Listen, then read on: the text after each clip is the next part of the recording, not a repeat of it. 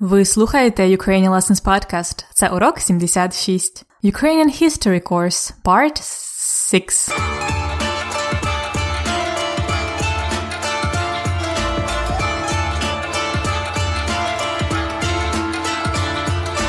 Добрий день! Мене звати Анна, і це подкаст Ukrainian Lessons для всіх, хто вивчає українську мову. Починаючи з уроку 71, епізоди подкасту присвячені історії України.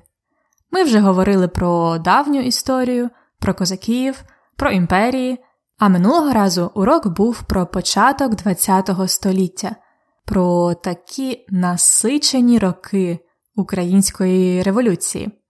Тоді ми закінчили на тому, що Україна програла більшовикам і стала комуністичною.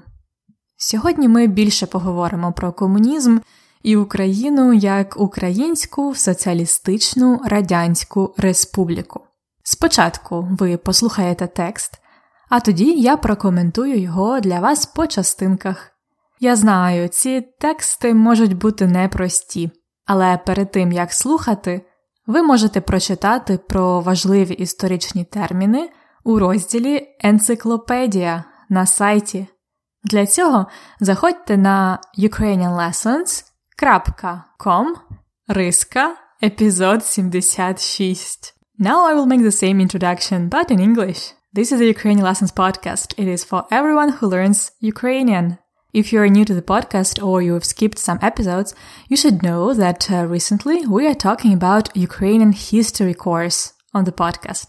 In the previous episodes, we've already talked about the ancient history, давня история, also about козаки and imperii, empires. The previous lesson was about the intense years of the beginning of the 20th century. Back then, we finished on the fact that Ukrainians failed in the war with Bolsheviks, and Ukraine became Комуністична Республіка, Українська Соціалістична Радянська Республіка. Today's lesson is about the first socialist years in Ukraine. First, you will listen to the text, and then I will break it down for you and comment some parts. I know the texts aren't easy, непрості. So, to make it easier for you, I've prepared a list of the most important terms with the definitions in English, and I call it Encyclopedia. You can find Encyclopedia at ukrainianlessons.com slash episode 76. Or actually, also, you can find it at the description of this episode in your app. So, let's start the new chapter of Ukrainian history. Почнімо новий розділ української історії. Спочатку слухайте повний текст.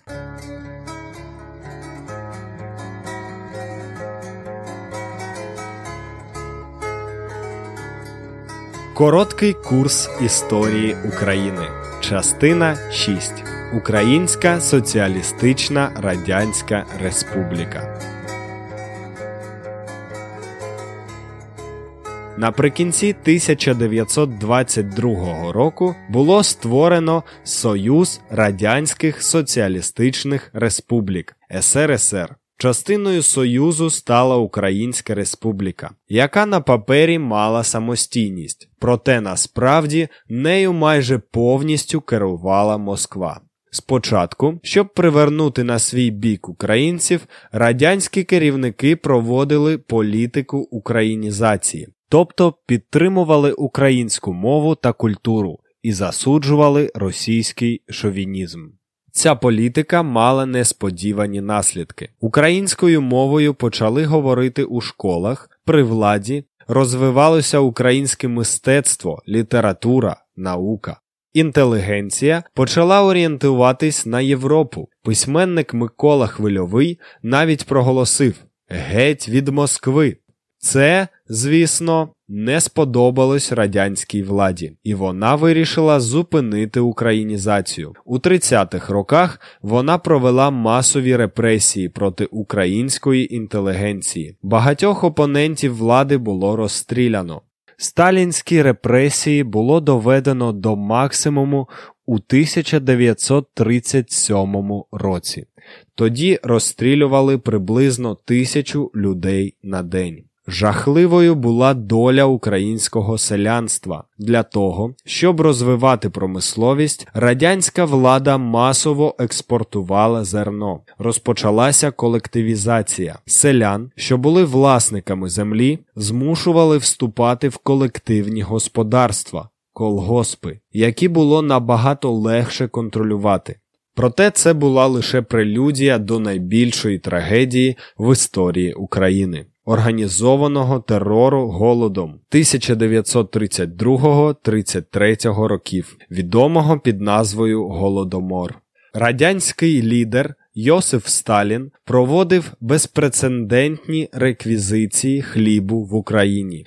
Спеціальна комісія надсилала до селян каральні загони, які забирали не лише хліб, але й будь-яку їжу. Масовий голод охопив українські села. Люди помирали у страшних муках. На кордонах України було створено спеціальні загони, які стежили, щоб селяни не могли втекти. Внаслідок цього геноциду померло близько 5 мільйонів українців.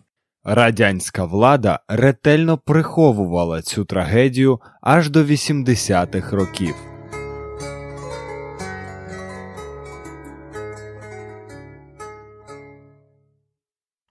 Ех, на жаль, ця частина дуже печальна, дуже сумна. Голодомор це, мабуть, найбільша трагедія української історії, особливо тому, що Ще є люди або діти людей, які жили в часи голодомору. Пропоную вам ще раз послухати текст, але маленькими частинками, а я буду допомагати вам краще їх зрозуміти. Добре? Почнімо тоді. Частинка перша. Слухайте, у якому році було створено СРСР. Наприкінці 1922 року було створено Союз Радянських Соціалістичних Республік СРСР. Частиною Союзу стала Українська Республіка, яка на папері мала самостійність, проте насправді нею майже повністю керувала Москва. Отже, коли було створено СРСР? Перш за все, що таке СРСР? Це Союз Радянських Соціалістичних Республік СРСР. СРСР було створено в 1922 році. Створити означає to create. Створити було створено was created. Так, це більше як безособове impersonal. Так було створено. Україна була тоді частинкою СРСР, але вона мала тільки самостійність на папері. Так, вона мала самостійність, remember independence, на папері on paper. Але насправді нею керувала Москва. Керувати is to manage, to supervise. Пам'ятаєте слово керівник? Керівник це як е, директор, лідер. Так? Україною керувала Москва. Note that we use instrumental case, орудний відмінок with керувати. Україною керувала Москва або Москва керувала Україною. Друга частинка. Слухайте, які наслідки мала українізація. Спочатку, щоб привернути на свій бік українців, радянські керівники проводили політику українізації, тобто підтримували українську мову та культуру і засуджували російський шовінізм. Ця політика мала несподівані наслідки. Українською мовою почали говорити у школах, при владі розвивалося українське мистецтво, література, наука. То що таке українізація і які були її наслідки? Українізація це політика радянської влади, щоб привернути на свій бік українців, привернути на свій бік means to bring to your side. Так, привернути на свій бік, бік side. Але українізація мала позитивні наслідки. Наприклад, українською мовою почали говорити у школах і при владі. Українською мовою почали говорити у школах in schools, і при владі in the governmental institutions, так, at power. Розвивалося українське мистецтво, література, наука. Так, українське мистецтво, art, література, наука, science розвивалися, were developing. Так? Note how we use actually in both sentences here, we use first we say a verb and then we say the subject. And it's common in, in Ukrainian, in Ukrainian books or articles or in, in, when we speak, we often put the verb before the subject. And we could use both ways. It doesn't depend on anything. It's just uh, the style. Нагадаю, українізація це були 20-ті роки. А далі слухайте, що було далі, коли розпочались репресії українців. Інтелігенція почала орієнтуватись на Європу. Письменник Микола Хвильовий навіть проголосив Геть від Москви. Це, звісно, не сподобалось радянській владі, і вона вирішила зупинити українізацію. У 30-х роках вона провела масові репресії проти української інтелігенції. Багатьох опонентів влади було розстріляно. Сталінські репресії було доведено до максимуму у 1937 році. Тоді розстрілювали приблизно тисячу людей на день. То коли розпочались репресії українців? Репресії розпочались у 30-х роках. Тоді при владі був Йосип Сталін. Ви, мабуть, чули про нього. Від імені Сталін утворюємо прикметник Сталінський і говоримо сталінські репресії. Вони розпочались у 30-х роках, і їх було доведено до максимуму у 1937 році. Доведено до максимуму. Довести to bring до максимуму, to the maximum, to maximize. Репресії було доведено до максимуму у 1937 році. Це був жахливий рік для української інтелігенції. Жахливий horrible. Тоді розстрілювали приблизно тисячу людей на день. Розстрілювати від дієслова стріляти. Стріляти is to shoot with a weapon. Розстрілювати означає стріляти масово, щось як fusillade або execute by shooting розстрілювати. Тоді розстрілювали приблизно тисячу людей на день. Це було жахливо. We will talk more about this and the concept of розстріляне відродження, executed renaissance, at the end of the today's episode. А зараз слухайте наступну частину, що таке колективізація. Жахливою була доля українського селянства. Для того, щоб розвивати промисловість, радянська влада масово експортувала зерно. Розпочалася колективізація. Селян, що були власниками землі, змушували вступати в колективні господарства, колгоспи, які було набагато легше контролювати. Колективізація велике слово, це процес утворення колективних господарств, collective farms. Селян, що були власниками землі, змушували вступати в колективні господарства, колгоспи, які було набагато легше контролювати. Let's break this down. Власник owner. Власники землі landowners. Їх змушували вступати в колгоспи. Пам'ятаєте слово змушений? Змушувати to force. Їх змушували вступати в колгоспи. They were forced to join колгоспи. Вступати to join an organization. Вступати. Їх змушували вступати в колгоспи. Колгоспи було набагато легше контролювати. They were much easier набагато легше контролювати. Тепер розумієте, що таке колективізація? Селян, що були власниками землі, змушували вступати в колективні господарства, колгоспи, які було набагато легше контролювати. На жаль, колективізація була дуже інтенсивна і спричинила голодомор. Слухайте наступну частинку. Що таке голодомор?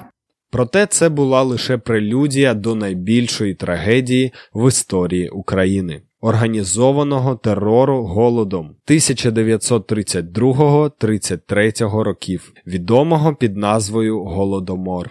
Радянський лідер Йосиф Сталін проводив безпрецедентні реквізиції хлібу в Україні. Спеціальна комісія надсилала до селян каральні загони, які забирали не лише хліб, але й будь-яку їжу. Голодомор. Важко говорити про цю історію. Голодомор це організований терор голодом. Терор голодом. Terror by hunger. Ви знаєте, голодний, так. Голод це іменник. Голодомор це організований терор голодом 32-33 років. Сталін проводив реквізиції хлібу, а також до селян надсилали каральні загони, які забирали не лише хліб, але й будь-яку їжу. Каральні загони is quite a specific term of those days. Uh, it's kind of punitive detachments. That's what I found. Каральні загони. Так, загін is like a squad. Каральні загони. То до селян надсилали каральні загони, тобто каральні загони were sent, їх надсилали to peasants, і вони забирали, забирали від слова брати, брати is to take, забирати is to take away, забирати. Ці каральні загони вони забирали не лише хліб, але й будь-яку їжу. То до селян надсилали каральні загони, які забирали не лише хліб, але й будь-яку їжу. І слухайте останню частинку про наслідки голодомору. Масовий голод охопив українські села. Люди помирали у страшних муках. На кордонах України було створено спеціальні загони, які стежили, щоб селяни не могли втекти. Внаслідок цього геноциду померло близько 5 мільйонів українців. Радянська влада ретельно приховувала цю трагедію аж до 80-х років. Жахливо подумати, але люди помирали у страшних муках. Муки is like an uh, agony, torture. Страшні муки, terrible tortures. Вибачте, у нас сьогодні дуже жахливі слова. Люди помирали у страшних муках. Внаслідок цього геноциду померло близько 5 мільйонів українців, і це щонайменше at least. Радянська влада ретельно приховувала цю трагедію аж до 80-х років. Радянська влада ретельно carefully приховувала цю трагедію. Приховувати, приховати це тримати в секреті. To keep in secret, to conceal. Радянська влада ретельно приховувала цю трагедію аж до 80-х років. На жаль, говорячи про історію, ми мусимо говорити і про такі страшні події, як Голодомор і репресії Сталіна. Як жахливо, що одна людина може знищити, вбити так багато інших людей. Сподіваюся, це не повториться. Для цього важливо знати історію, правда? Тому слухайте ще раз повний текст.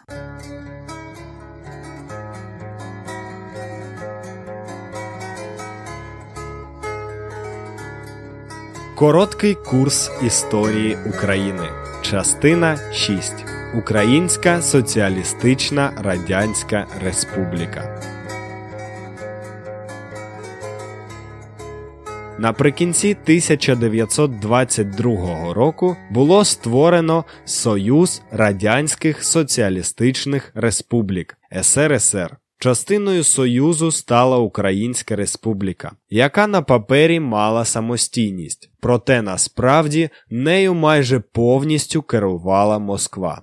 Спочатку, щоб привернути на свій бік українців, радянські керівники проводили політику українізації, тобто підтримували українську мову та культуру і засуджували російський шовінізм.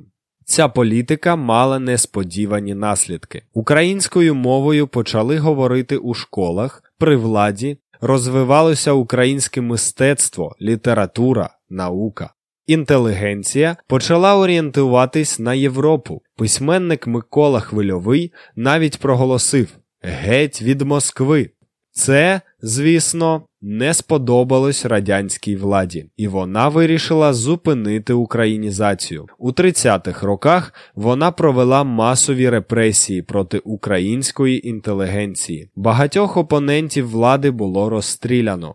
Сталінські репресії було доведено до максимуму у 1937 році.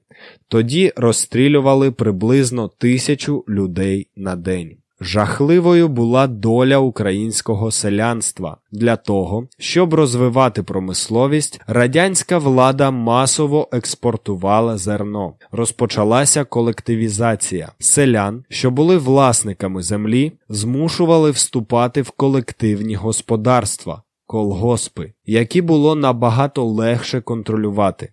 Проте це була лише прелюдія до найбільшої трагедії в історії України організованого терору голодом 1932-33 років, відомого під назвою Голодомор.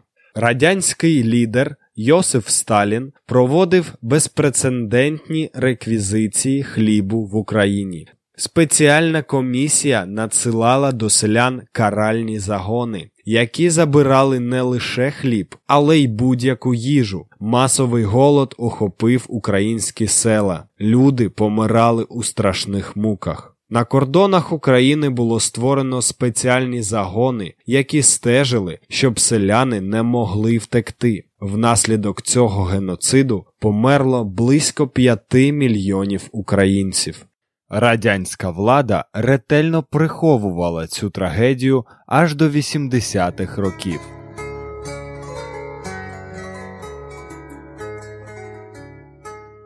А тепер тест. Я буду казати вам речення, а ви кажіть мені, це правда чи неправда? Добре? Запитання 1. Масові репресії в СРСР розпочались на початку 20-х років. Правда чи неправда? Масові репресії в СРСР розпочались на початку 20-х років. Ні, це неправда. На початку 20-х років ще не було репресій багато. Так, репресії розпочалися в кінці 20-х років, на початку 30-х років. Запитання 2. Микола Хвильовий це український письменник. Микола Хвильовий це український письменник. Правда чи неправда? І це правда, так. Микола Хвильовий це український письменник, а також публіцист. Він е, був дуже активний у 20-х роках. І запитання 3. Внаслідок голодомору померло близько мільйона українців. Ще раз, внаслідок голодомору померло близько мільйона українців. Правда чи неправда? Це неправда. Внаслідок голодомору померло близько п'яти а може й більше мільйонів українців.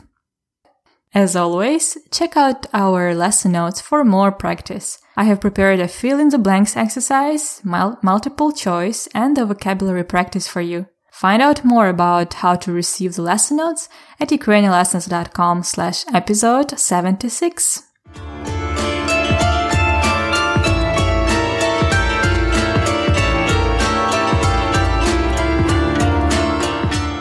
Культурний факт на подкасті. Maybe you've noticed uh, that I always prefer to bring something positive to you as a cultural info section of the podcast. Unfortunately, it's not possible all the time, especially when we're talking about the Soviet era of Ukraine. Actually, it didn't start too bad with Ukrainization. It's true that Ukrainian life was flourishing at first, there were so many new Ukrainian writers, scientists, journalists, movie directors. The Ukrainian modernist theater, for example, was amazing. But unfortunately, in the 30s, most of people who took part in this rebirth of Ukraine, what we call also Ukrainian Renaissance, most of those people were destroyed, physically destroyed. this generation of artists and writers is called розстріляне відродження, the executed renaissance. These were the people who were executed or repressed by Stalin's totalitarian regime. Here are some of the most known names in Ukraine. Микола Хвильовий, Валер'ян Підмогильний are very good uh, Ukrainian prose writers and publicists. Микола Куліш is an excellent Ukrainian drama writer. Mikhail Semenko, Mykola Zerov are very good poets. Les Kurbas is a creator of uh, Kharkiv modernist theater, which was uh, one of the best uh, times of Ukrainian theater at all times. Unfortunately, all those people died in the 30s. For example, only in one week in autumn of 1937, 300 representatives of this Ukrainian Renaissance were shot at a massive killing field in Karelia in the northwest Russia. Some other representatives of this generation survived. Some of them remained in the Soviet Union, but they had to be quiet, which in many cases decreased the quality of their work. And some of them emigrated, like Ivan Bagriany or